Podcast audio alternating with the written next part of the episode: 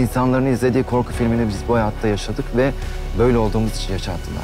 Mart ayında Eksen platformunda yer alan Katarsis adlı programa konuk olan trans güzellik kraliçesi ve oyuncu Çağla Akalın çocukluk, gençlik dönemi ve yaşadığı travmaları anlatmıştı. Programın ardından geçtiğimiz günlerde dikkat çeken bir gelişme yaşandı ve program platformdan kaldırıldı. Program kaydının silinmesi üzerine Rütük'ün para cezası kestiği ve yayından kaldırılmasını istediği ortaya çıktı. Osmanlı'da ilk homoseksüel tartışma nasıl yaşanmıştı? 19. yüzyılda ortaya çıkan mahbub kavramı ortalığı nasıl karıştırdı? Edebiyat eleştirmenleri hangi yazar için ahlaki kaygı uyandırmıyor dedi. Peki eleştirmenlere göre hangi yazar hoş karşılanmadı? Müstehcen edebiyata Cumhuriyet dönemi eleştirmenleri nasıl yaklaştılar? Cevabı bu videoda. Oda TV'ye hoş geldiniz. Arşiv Odası başlıyor.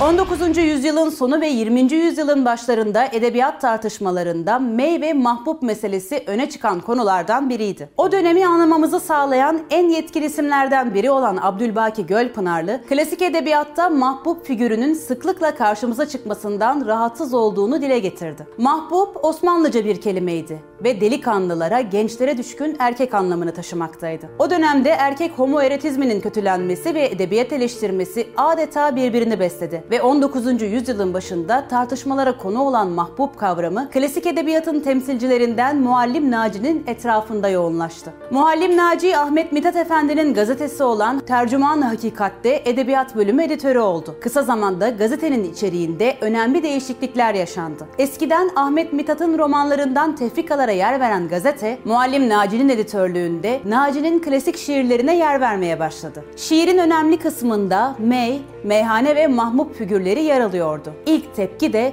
gazete okurundan geldi. İddialara göre Muallim Naci okuyucuyu Mahmut Perest'e yani oğlancılığa yöneltiyordu. Ahmet Mithat Efendi ekibini savunsa da Muallim Naci hakkında dedikodular çıkmıştı. Muallim Naci Mesudi Harabati mahlasıyla yazdığı şiirleriyle Mahbub Perestliğe vurgular yapıyordu. 19. yüzyılın sonlarına doğru Recaizade Ekrem ve Muallim Naci arasında büyük bir tartışma çıktı. Hatta iddialara göre Muallim Naci bu tartışmalar sonucunda görevinden uzaklaştırılmış ya da istifa etmişti. Tartışmaların güzergahı da edebiyattaki yeni eski ve doğu batı meselesi, iki edebiyatçının kişilikleri, yaşam biçimleri, kişisel görüşleri, okuyucuları ve kendi cinsel ilişki biçimleri arasında gidip geldi. Yazar Ahmet Rasim de o dönemde homoerotik hikayeler yazan ve tartışmalara yol açan bir diğer yazardı. Ve Muallim Naci için tenzihül ahlak yani temiz ahlaklı olduğunu ifade eden cümleler kullanmıştı. Fakat rahatsız olduğu bir isim vardı. Dönemin meşhur şairlerinden biri olan Mehmet Celal. Ahmet Rasim Mehmet Celal'in erkek bir hizmetçiye kapılıp evden kaçtığını iddia etti. Ona göre Mehmet Celal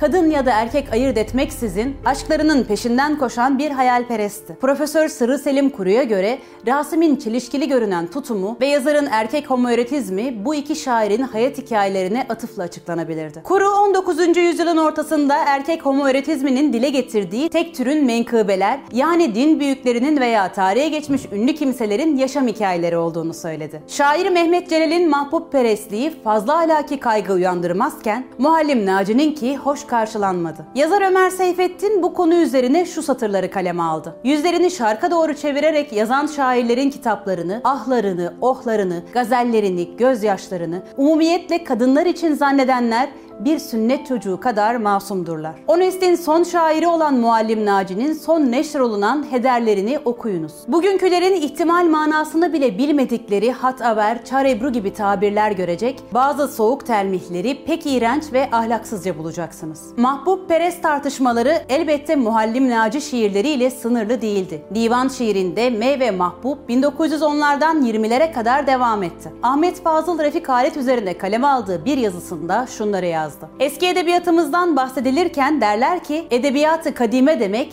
meyve mahbub demektir. Bu düstur hakikati meseleyi tamamen kucaklayamamakla beraber herhalde onun bir kısmı mühimini pek iyi iraye eder. Çünkü hakikaten eslafımız bize terk ettikleri halde asarda meyve Mahmud bezbinden hiç dışarıya çıkmamış değillerse de şüphe yok ki çıktıkları vakit oraya dönmeyi asla unutmamışlardır. Ahmet Mithat Muallim Naci ile mektuplaşmalarında divan şairinin mahbub düşkünlüğü dönüştüğünün sadece yazınsal bir durum olmadığını söyler. Muallim Naci ile mektuplaşmaları olan Beşir Fuat için de hayalperestlik kabul edilemez. Çünkü Ahmet Mithat gibi Beşir Fuat'a göre de şiirde fikir hakikate yaklaştığı anda güzelleşir. Uzaklaştığı zamansa kötüdür. Aşkın ve erotizmin dünyevileşmesi klasik Osmanlı edebiyatında yer alan tartışmaların da ana gündemlerinden biridir. Profesör Selim Sırrı Kuru'ya göre aşk dünyevi hale gelip cinsellikle ilişkilendirildikçe erkek homoerotizminin de şiirin ana konularından biri olduğunu söyler. Türk yazar ve edebiyat tarihçisi İsmail Habib'e göre şairlerin çoğunun kendini dindar Müslüman olarak göstermesi şairlerin iki yüzlülüklerinin işaretiydi ve o da konuyu şu şekilde özetledi. Yüksek tabaka edebiyatının bütün şairleri hep kavuklu,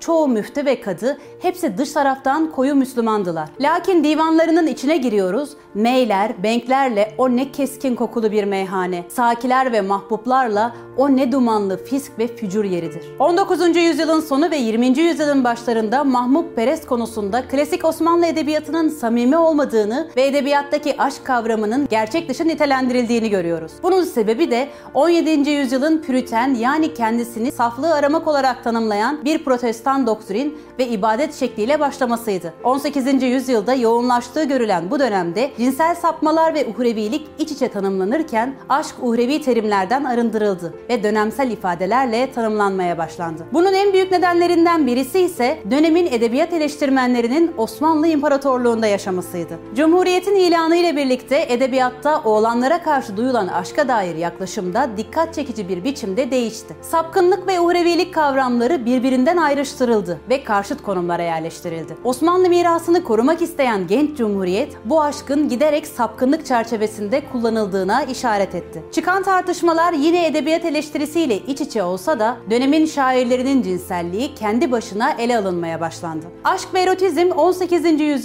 dünyevi alana çekildi. Şair Halit Fahri Ozansoy da bunun zeminini hazırladı. O dönemin popüler olan ve anlaşılır Türkçe kullanmasıyla dikkat çeken bir ismi vardı. Nedim. Müstehcen edebiyatın en bilinen isimlerindendi o. Ama dünyevi hazlardan söz eden ilk şair değildi. Cumhuriyet dönemi eleştirmenleri onun şiirinin dünyevi boyutunu bir tartışma konusu haline getirdi. 19. yüzyıl yorumcularının eleştirilerini temellendirdikleri ve aynı zamanda aşk tasvirlerini sorumlu kılan zemin de bu oldu. Cumhuriyet döneminin edebiyat eleştirmenleri oğlanlara duyulan aşkı patoloji terimleriyle ifade etmedi. Onlar mahbub peresti sadece Osmanlı'nın seçkinlerinin yozlaşmışlığını eleştirebilme adına kullandı. Bu videoda dünyevi bir aşk olarak lanse edilen Mahmut Perest'in erotik ve politik işlevlerine ve bu işlevlerin tarihsel dönüşümüne kısaca değinmeye çalıştım. İzlediğiniz için teşekkür ederim. Videomuzu beğenmeyi ve Oda TV'ye abone olmayı unutmayın.